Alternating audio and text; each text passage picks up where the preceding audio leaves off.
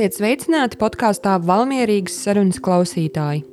Lai veicinātu sabiedrības izpratni par kiberdrošības jautājumiem, oktobris ir pasludināts par Eiropas kiberdrošības mēnesi. Tāpēc arī podkāstā aicinām uzzināt vairāk, kā pasargāt sevi un savus tuviniekus. Visa veida uzbrukumi internetā notiek katru dienu. Aizvien vairāk parādās jauni krāpniecības veidi, kurus izsekot paliek aizvien sarežģītāk. Nesen arī Latvijas izglītības iestādēs, tostarp arī skolās Valmjerā un Valmieras novadā, vairāku dienu garumā saņēma ziņas par iespējamiem drošības riskiem. Šo ziņu mērķis visnotaļ bija destabilizēt sabiedrību un radīt paniku. Internets sniedz daudz un dažādas iespējas, bet svarīgi ir kritiski vērtēt informāciju, ar ko saskaramies, izmantojot interneta pakalpojumus. Lai sevi pasargātu un veicinātu izpratni par drošību internetā, uz sarunu esmu aicinājusi Valmieras novada pašvaldības informācijas tehnoloģijas centra vadītāju Alekseju Jukumu. Es esmu sveicināts podkāstā Valmierīgas sarunas. Sveika!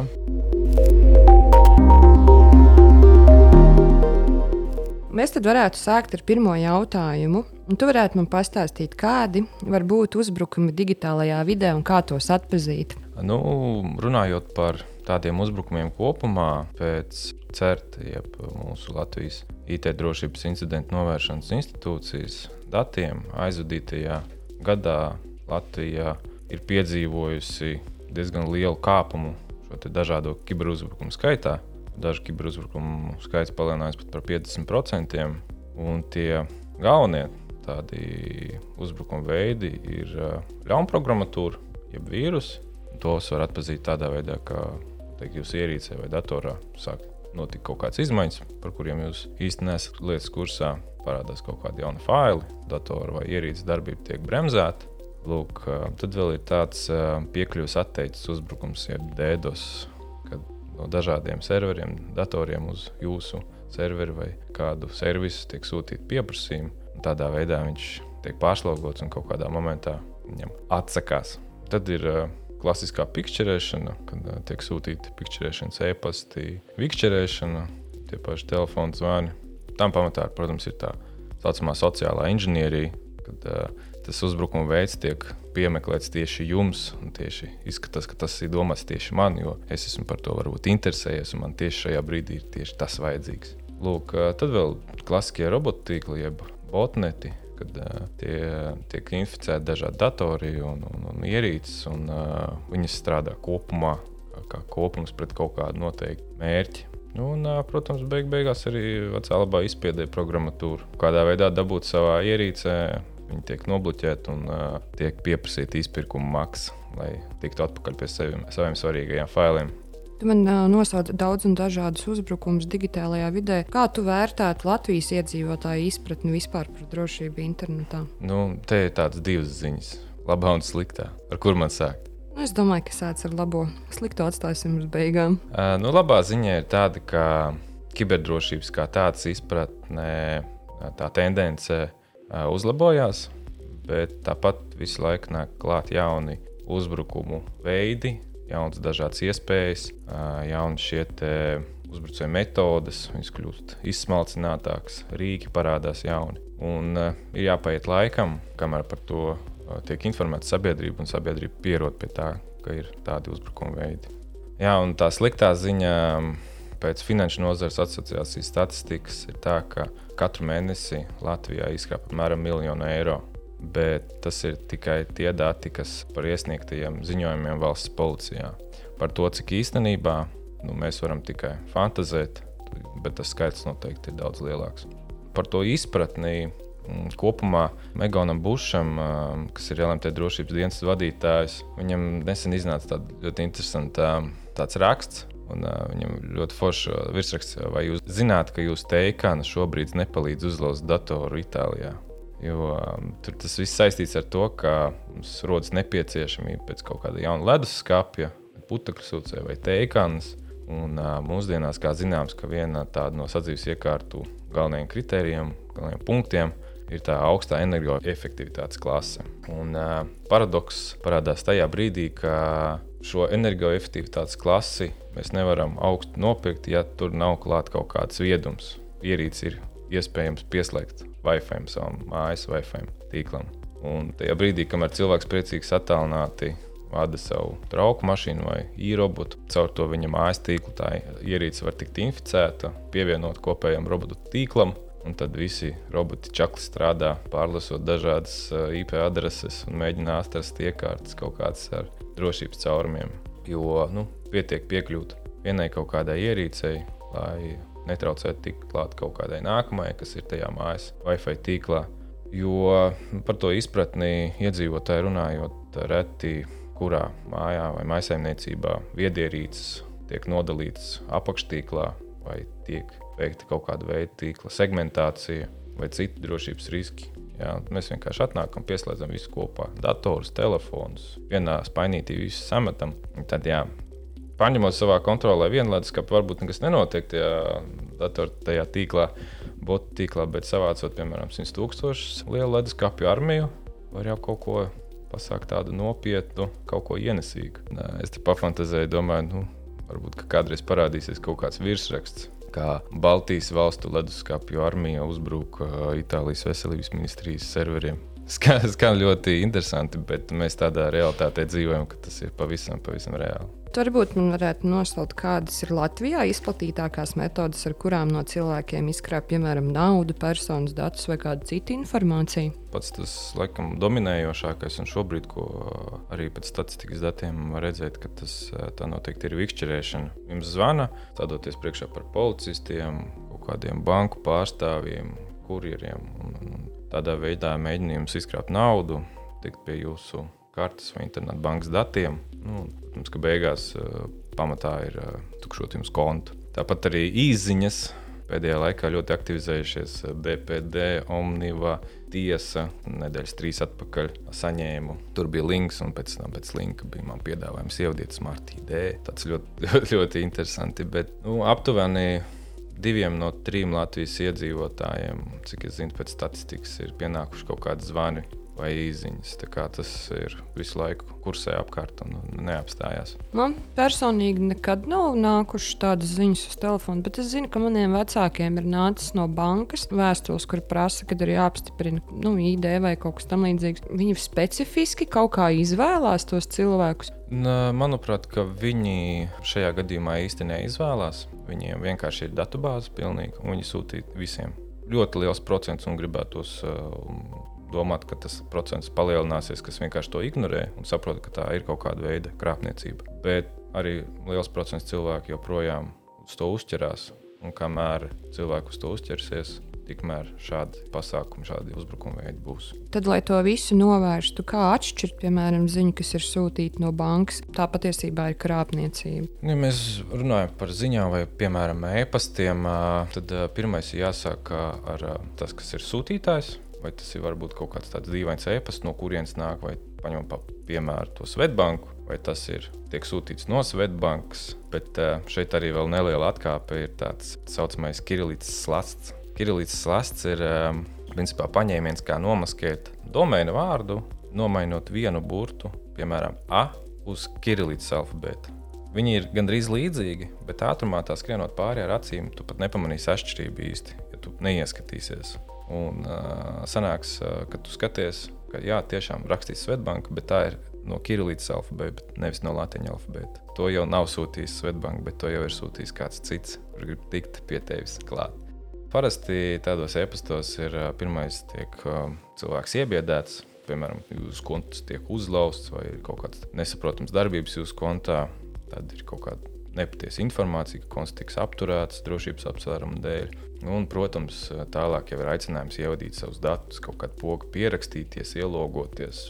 Fantāzija strādā uzbrucējiem dažādos virzienos. Un, un, un, jā, nu, viss izskatīsies ļoti labi. Viss izskatīsies tā kā tiešām tā, piemēram, tā pati Svetbanka sūta, bet īstenībā tur stāv pavisam cits cilvēks, cits cilvēku grupa aiz tā visa. Vispār tas viss ir šausmīgi mainījies. Tagad pēdējās ziņas, kas bija saņemtas, es zinu, ka vairāk cilvēki saņēma ziņu, kas ir rakstīta bērnu vārdā. Tur ziņā rakstīts, mamma, man ir izlādējies telefons, piezvan man uz šo numuru vai ieej šajā WhatsApp grupā, lai es varu tevi sasniegt. Tie cilvēki grupēm viņi ir iemācījušies strādāt vairāk uz tādas kā emocionālās bāzes. Jā, emocijas vispār ir viena no tādām uh, lietām, uh, uz ko strādā šie cilvēki, izraisīt vai nu paniku, vai nu kaut kādu emociju pārmaiņu, kur rezultātā cilvēks padara sevi bišķiņu tādu ievainojamāku un padodas tām emocijām. Tāpēc arī ir tie kliedzošie virsrakstī, kaut kāda jūsu konts tiek uzlauzts, vai kaut kas saistīts ar taviem tuviniekiem, ka ir nepieciešama kaut kāda veida darbība. Un, tajā brīdī varbūt kaut kāda emocija iespējā pazūd tas možums, un, un, un mēs veicam kaut kādas tādas darbības. Lai no šī visa izvairītos, man varētu pastāstīt, kā izvēlēties un aizsargāt uh, savus sociālos tīklu kontus. Pamatu pamats šobrīd tas, kas ir populārākais, tā ir uh, divu faktoru autentifikācija. Tā ir tā labākā IT drošības praksa šobrīd, ka mēs nepaļaujamies vairāk tikai uz lietotāju vārdu un paroli, bet papildinām to visu ar vēl vienu tādu aizsardzības faktoru. Piemēram, tā var būt īsiņa, SMS vai mobilajā lietotnē parādās, ka jāievada pinkods, ko zinat tikai jūs. Vairāku faktoru autentifikācija ir tāda nu, efektīva drošības kontrole, kas minimizēs tos riskus jūsu kontu piekļūšanai un kompromitēšanai un principā lietotāja identitātes zādzībai. Tāpēc tas tāds ieteikums numur viens, kam multifaktoru autentifikācija. Un to, tas strādā arī ne tikai kontiem, tas ir noteikti e-pastam, dažādām administrēšanas tīkla iekārtām, mājaslapām un dažādiem citiem kontiem. Vēl viena interesanta lieta par to, ka var izmantot tādu kā drošības atslēdziņu, drošības flešiņu, kur jūs nesat sev līdzi. Un tad, kad jūs kaut kādam noteiktam kontam kaut kur gribat pieteikties, tad jums ir jāiesprāž, piemēram, datorā ir tas uh, flešiņš, kurā ir speciāla drošības atslēga, un tas konts saprot, ka ok, šis ir īstais lietotājs, un mēs viņu laižam iekšā. Vēl pie šī paša tad var noteikti pieskarties par, ka jādomā, jāsako līdzi kādiem, jūs kaut kādā publiskā telpā, kādiem Wi-Fi jūs slēdzaties klāt. Tas kafejnīcas nav tas labākais, viesnīcas noteikti nav tas labākais, jo viesnīcas blakus numuriņā var iespējams ir uzbrucējs, kas gaida, kad jūs pieslēgsieties un mēģinās kaut kādā veidā tikt pie jūsu ierīces, pie jūsu datiem. Tā kā 4G un 5G tīkli ļoti attīstīti un ātri šobrīd. Mobilais tīklais, jeb hotspots, ir tāds must have, angļuiski izsakoties mūsdienās. Bet, nu, ja tomēr ir nepieciešams pieslēgties pie kaut kādiem saviem kontiem, principā es galīgi neieteiktu šos kafejnīcas, viesnīcas un tādus publiskos Wi-Fi. Es bieži vien esmu pieķērusi sevi pie tā, ka nu, es arī nepieslēdzos speciāli, piemēram, pie kāda Wi-Fi publiski. Bet es atopos vienā brīdī, ka mans telefons ir savienojies ar to Wi-Fi, kas ir tajā iestādē, un es pati to neesmu ieslēgusi, un es neesmu pieslēgusies. Nu jā, tāpēc ka Wi-Fi nav parols un uh, Wi-Fi ja telefonā, piemēram, ir ieslēgts. Telefons skatās, oh, Wi-Fi ir bez paroles. Slēdzamies klāt, jo, piemēram, tajā brīdī mobilais tīklais vai mobilie tīkli nav ieslēgti. Bet, jā, un to pamatā izdara pats telefons. Un, uh, tā tad tā, vienkārši jāsako līdzi. Jāsako līdzi. Arī tā. pašiem ir jāsako līdzi. Protams.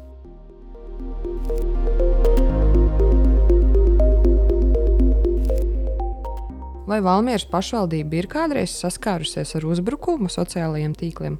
Par sociālajiem tīkliem es pat neatceros. Man liekas, ka bija viena reize pirms kaut kādiem gadiem, bet tā kontrole diezgan ātri tika pārņemta arī atpakaļ sazinoties ar, man liekas, tas bija Facebook, ja nemaldos. Uzbrukuma mēģinājumus mēs jau principā piedzīvojam katru dienu.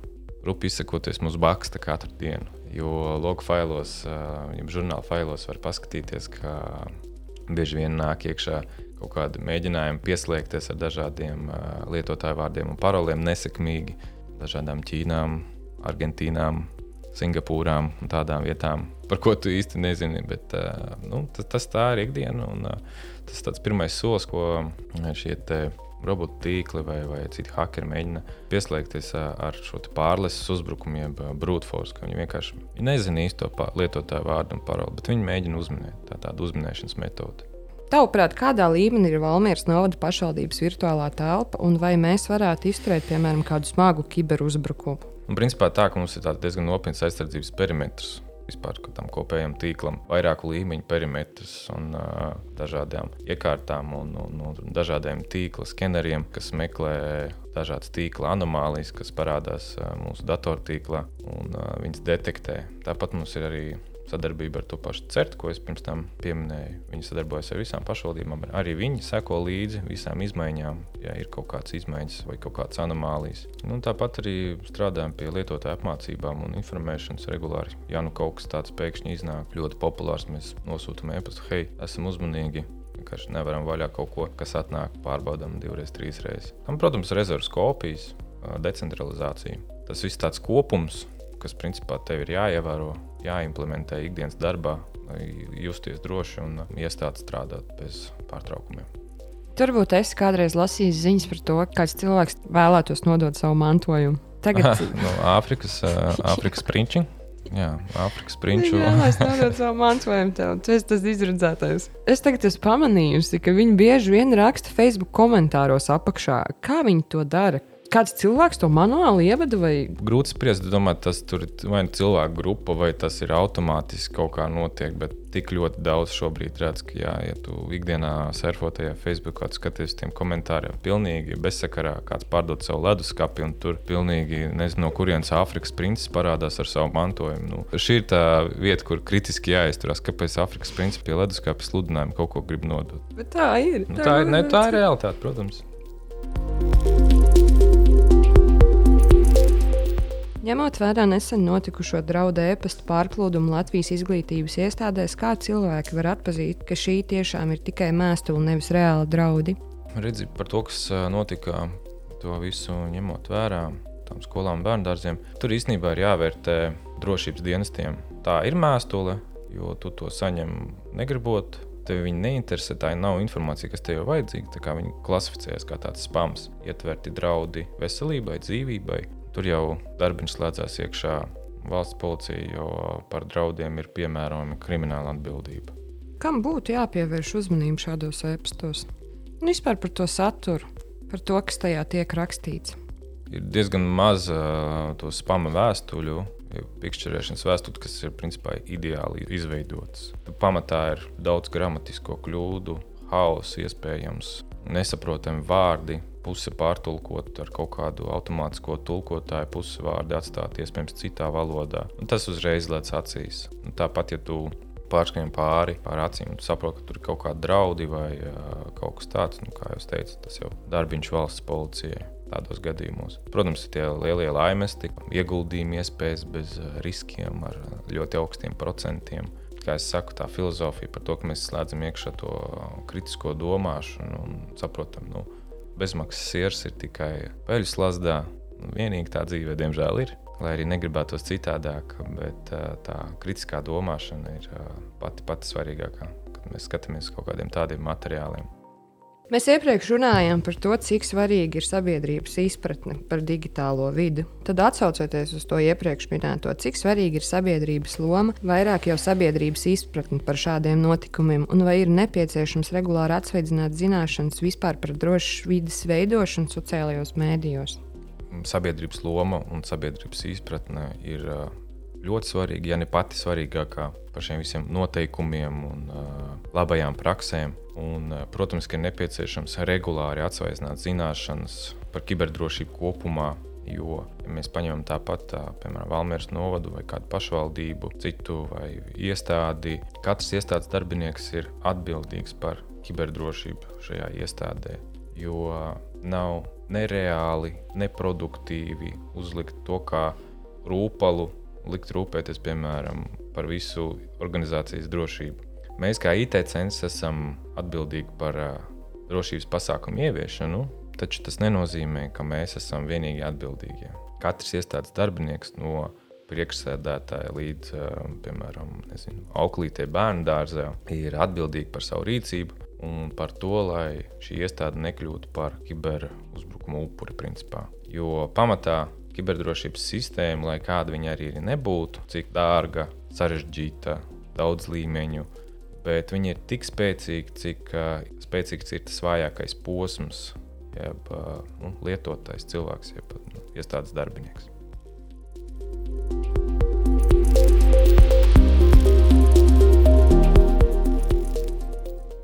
Mēs beidzot esam nonākuši pie tēmas par telegramu. Tu man varētu pastāstīt, kāpēc cilvēki visbiežāk izvēlas sazināties caur telegramu?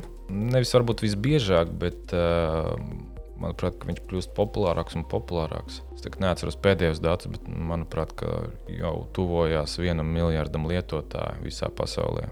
WhatsApp ir bijis priekšā, bet uh, Telegrams ir ļoti, ļoti tuvu. Tas ir kā sauciens pēc platformas, kurā ir šī stingrā vārda brīvība un iespēja darīt principā, gandrīz visu.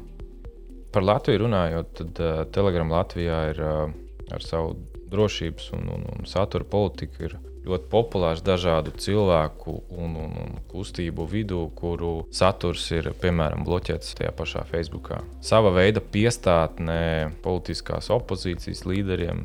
Saziņai ar saviem sekotājiem un līdzliecējiem, Covid-19 pretiniekiem, vakcīnu pretiniekiem, dažādu dezinformācijas kanāliem un, un, un citām šādām tēmām. Galvenais tas iemesls ir tie privātie grupu čati jo telegrams viņus nemoderē un saturu nekontrolē. Kāpēc nevar izsekot tās grupas telegramā? Es esmu dzirdējis, ka ir tāda end-to-end šifrēšana. Jā. Kas tas ir? End-to-end šifrēšana ir principā tāds šifrēšanas veids, kur mēs ar tevi sarakstītos. Telegramā, par ko mēs sarakstamies, redzam tikai mēs. Ja kāds ielien pa vidu, viņš neredzēs, viņš redzēs nošifrētas ziņas. Viņš neredzēs, par ko mēs sarakstamies. End-to-end, protams, arī ir tam pašam WhatsAppam un citiem Atšķirība no telegramām ir tāda, ka viņi nesadarbojās ar dažādu valstu policijām un uh, varas iestādēm. Kāpēc, tavuprāt, tieši Telegram ir platforma, kurā notiek naida kurināšana, mobbings un citas lietas? Cik es saprotu, WhatsApp ir drošāks par Telegram, nu, šifrēšanas ziņā. Viedokļi ir ļoti atšķirīgi. Nevar pateikt īsti, ka viens ir drošāks, bet tas, ka Telegrams it kā nesadarbojas ar citu valstu drošības dienestiem, Tas izskatās, ka pagaidām ir fakts, ka kaut gan ir bijuši notikumi, kad izskatās, ka Telegrams ir nodevis kaut kādas ziņas par uh, kaut kādām nelegālām lietām. Jo galvenais iemesls, jā, ka Telegramā ir tie privātie grupu čati. Tas telegrams ir īpašs ar to, ka viņš nemoderē tā, to saturu, nekontrolē, lai arī kāda dezinformācija vai kas cits tur, kas notiek grupu čatos, viņi nelasa un sūdzības par to īsti nepieņem. Visas tās tērzētavas un grupu čati ir privāti, un viņi ir domāti tikai tiem, kas ir dalībnieki tajos čatos. Bet tajā pašā laikā Telegram deklarē pats tādas četras lietas, kāpēc arī iespējams šie kanāli var tikt slēgti. Par to, ko tu vēl teici, jā, valstu drošības dienesti baksta telegramu, bet telegrams ir padevies momentā pielāgojies tajā brīdī, kad viņu sāka bakstīt Apple un Google, jo mēs pēc Telegram tiekam cauri App Store vai Google Play Store. Un tajā brīdī, ja kompānijas šeit ir divi milži, es domāju, ka nē, jūs pārkāpjat ļoti mūsu noteikumus, mēs ņemam ārā jūsu aplikāciju no sava veikaliņa. Nu, tad tajā brīdī Telegrams pazaudēs ļoti daudz lietotājus. Un, protams, ka Telegramam tas nav izdevīgi un kaut kādā brīdī viņi meklē to kompromisu kaut kādā veidā. Tā kā tā. Bet nu, par to Latvijas vidi pēdējais, ko es arī pirms divām dienām laikam bija sižets par QR kodiem Rīgā, dažādiem, kas tevi aizved uz telegramu, kur tu vari nopirkt visu, ko tu sirds vēlās. Un, uh, Šī QR kodi ir izmētāta pa visu Rīgu. Un, un, un viss tas notiek aktīvi arī pie mums. Valsts policija, protams, cīnās, bet, nu, ņemot vērā, ka tas ir telegrams, tas ir ļoti, ļoti, ļoti sarežģīti. Par valsts policijas darbu, arī par tām vēstulēm, kas tika sūtītas bērnu dārziem, skolām. Uzreiz pēc tam es ieraudzīju vairākus sabiedrībā pazīstamus cilvēkus, kas arī deklarēja, ka kāpēc jūs neko nedarat. Mans draugs Hackers jau pēc divām dienām būtu notvērs visas cilvēku grupas, kas ar šo nodarbojās. Bet, uh, Ir jāsaprot, ka arī tās vēstules, kas tika sūtītas, draudu vēstules, nu, cilvēki nav stulbi, kur to dara. Tieši tā. Um, viņi slēpjas aiz vairākiem līmeņiem, un uh, visas savas pēdas digitālās noteikti saslauka tā, ka ļoti grūti saprast, no kurienes un kas īsti aiz tā slēpjas. Protams, uh, valsts policijai, Eiropolam un Interpolam ir milzīgi resursi, bet uh, tas noteikti nenotiek ne dienu, ne mēnešu. Es domāju, ka um, arī šīs izmeklēšanas notiks ļoti ilgu laiku. Nezinu, vai tas ir iespējams to kodu kopā salikt. Un, piemēram, ja tā daļa atrodas kādā citā valstī, to nemaz tik viegli nevar pieprasīt un dabūt. Nu, tāpēc tur telegrams apakšā arī tām vēstulēm bija. Telegrams ir tā vietne, kuru tu vari aizsargāties. Jo, ja valsts policija pieprasīs informāciju no telegramā, visticamāk, ka viņi neko nesaņems. Protams, viņiem ir savi kanāli, notiek, kā viņi strādā, bet uh, Telegrams ar to ir ļoti īpašs.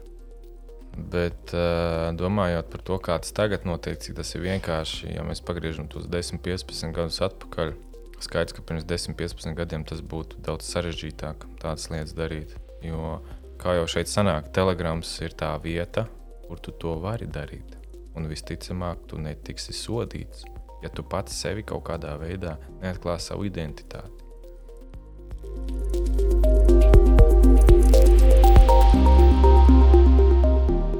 Sarunas sākumā tu minēji divus terminus - vikšķerēšana un arī pikšķerēšana. Varbūt varētu pastāstīt Jā. smalkāk par to. Jā, nu, piemēram, vikšķerēšana um, ir tāds uzbrukuma veids, kur pamatā ir um, šī telefona krāpšana, kurā krāpnieki mēģina pierunāt savu upuri kaut kādas personiskās, finanšu vai kaut kādas drošības informācijas izpaušanai vai naudas pārskaitīšanai vai kaut kam tādam. Lūk, kaut arī nu, mūsdienās šie kibernoziedznieki izmanto ļoti progresīvas tehnoloģijas, bet uh, statistika rāda, ka vecais labais tālrunis uh, ļoti labi joprojām strādā, lai apmānītu savus upurus. Jo tur ir divas tādas priekšrocības vikšķerēšanai, ka atšķirībā no citiem uzbrukuma veidiem, viņam ir daudz mazāk tehnoloģisko drošības risinājumu, kas var kaut kādā veidā atklāt un apturēt šos ļaunprātīgos tālruņa zvanus. Viņam uh, ar tālruni daudz vieglāk raisīt emocijas, radīt uzticību,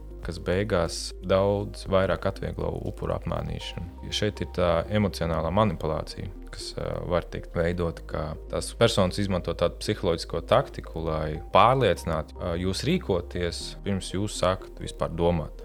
Kad uh, izveidojusies kaut kāda veida tāda savstarpēja uzticība, mēģina izveidot tādu aplamu steidzamības sajūtu, ka tieši tagad ir jāliek un jāiet un jāvada savi dati iekšā. Un, un, un, jā, un šeit uzbrucēji izmanto tādas visādas emocijas, bailes un raizes, lai iegūtu to, kas viņiem tajā brīdī ir nepieciešams. Un cilvēki parasti pieņem tādus mirkļa lēmumus. Kad ja tiem pasaka, ka jūs tūlīt zaudēsiet naudu, un jums radīsies juridiskas problēmas vai kaut kas tāds, un jūs vairs nevarēsiet piekļūt kaut kam ļoti nepieciešamam. Jā, un pikšķerēšana ir tieši gan arī tas pats, bet tas vairāk tā tādiem e-pastiem, piemēram, ka tev atnāk no bankām, no dažādiem tās pašas Omnivas vai Google, vai pat kolēģis iespējams ir atsūtījis e-pastu. Bet jā, par pikšķerēšanu runājot, jā, LVRTC pārstāvs vienā no semināriem arī stāstīja. Viņš ir, man liekas, ka viņš bija drošības arī viens no speciālistiem. Un arī viņam bija piekdienas vakars, piekdienas pēcpusdiena, bija grūta nedēļa.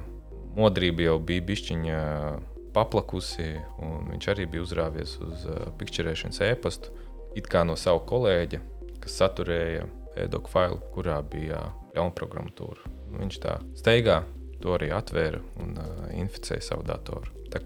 Tas gadās visiem, visi mēs esam cilvēki. Visur ir uh, cilvēciskais faktors, tas ir jāsaprot. Nav tā, nav jābaidās, bet uh, par to ir jādomā. Noslēgumā es tev gribētu pajautāt, kur tu ieteiktu vērsties cilvēkiem, kuriem saskārušies ar uzbrukumiem digitālajā vidē? Ja tā kā mēs runājam, ja tiek izteikti kaut kādi draudi, izspiešanas mēģinājumi, manipulācijas vai šantāžas, noteikti būtu jāvēršās valsts policijā. Arī citos gadījumos ir jāvēršās, ir iespēja vērsties tajā pašā CERTLV, ko es jau pirms tam minēju, jo viņu arī viens no uzdevumiem ir sniegt atbalstu šādu dažādu IT drošības incidentu novēršanā, jebkurai fiziskai vai juridiskai personai iesaistīt Latvijas IP adrese vai LV domēns vai kaut kas tāds. Mm, jā, nu, galvenais ir neklusēt un meklēt palīdzību, konsultēties, risināt, jo tikai tā mēs kopīgiem spēkiem varam padarīt mūsu kibertelpu drošāku un drošāku. Es tev teikšu paldies par šo interesanto sarunu. Paldies tev, paldies, ka uzaicināji. Visu labu! Atā.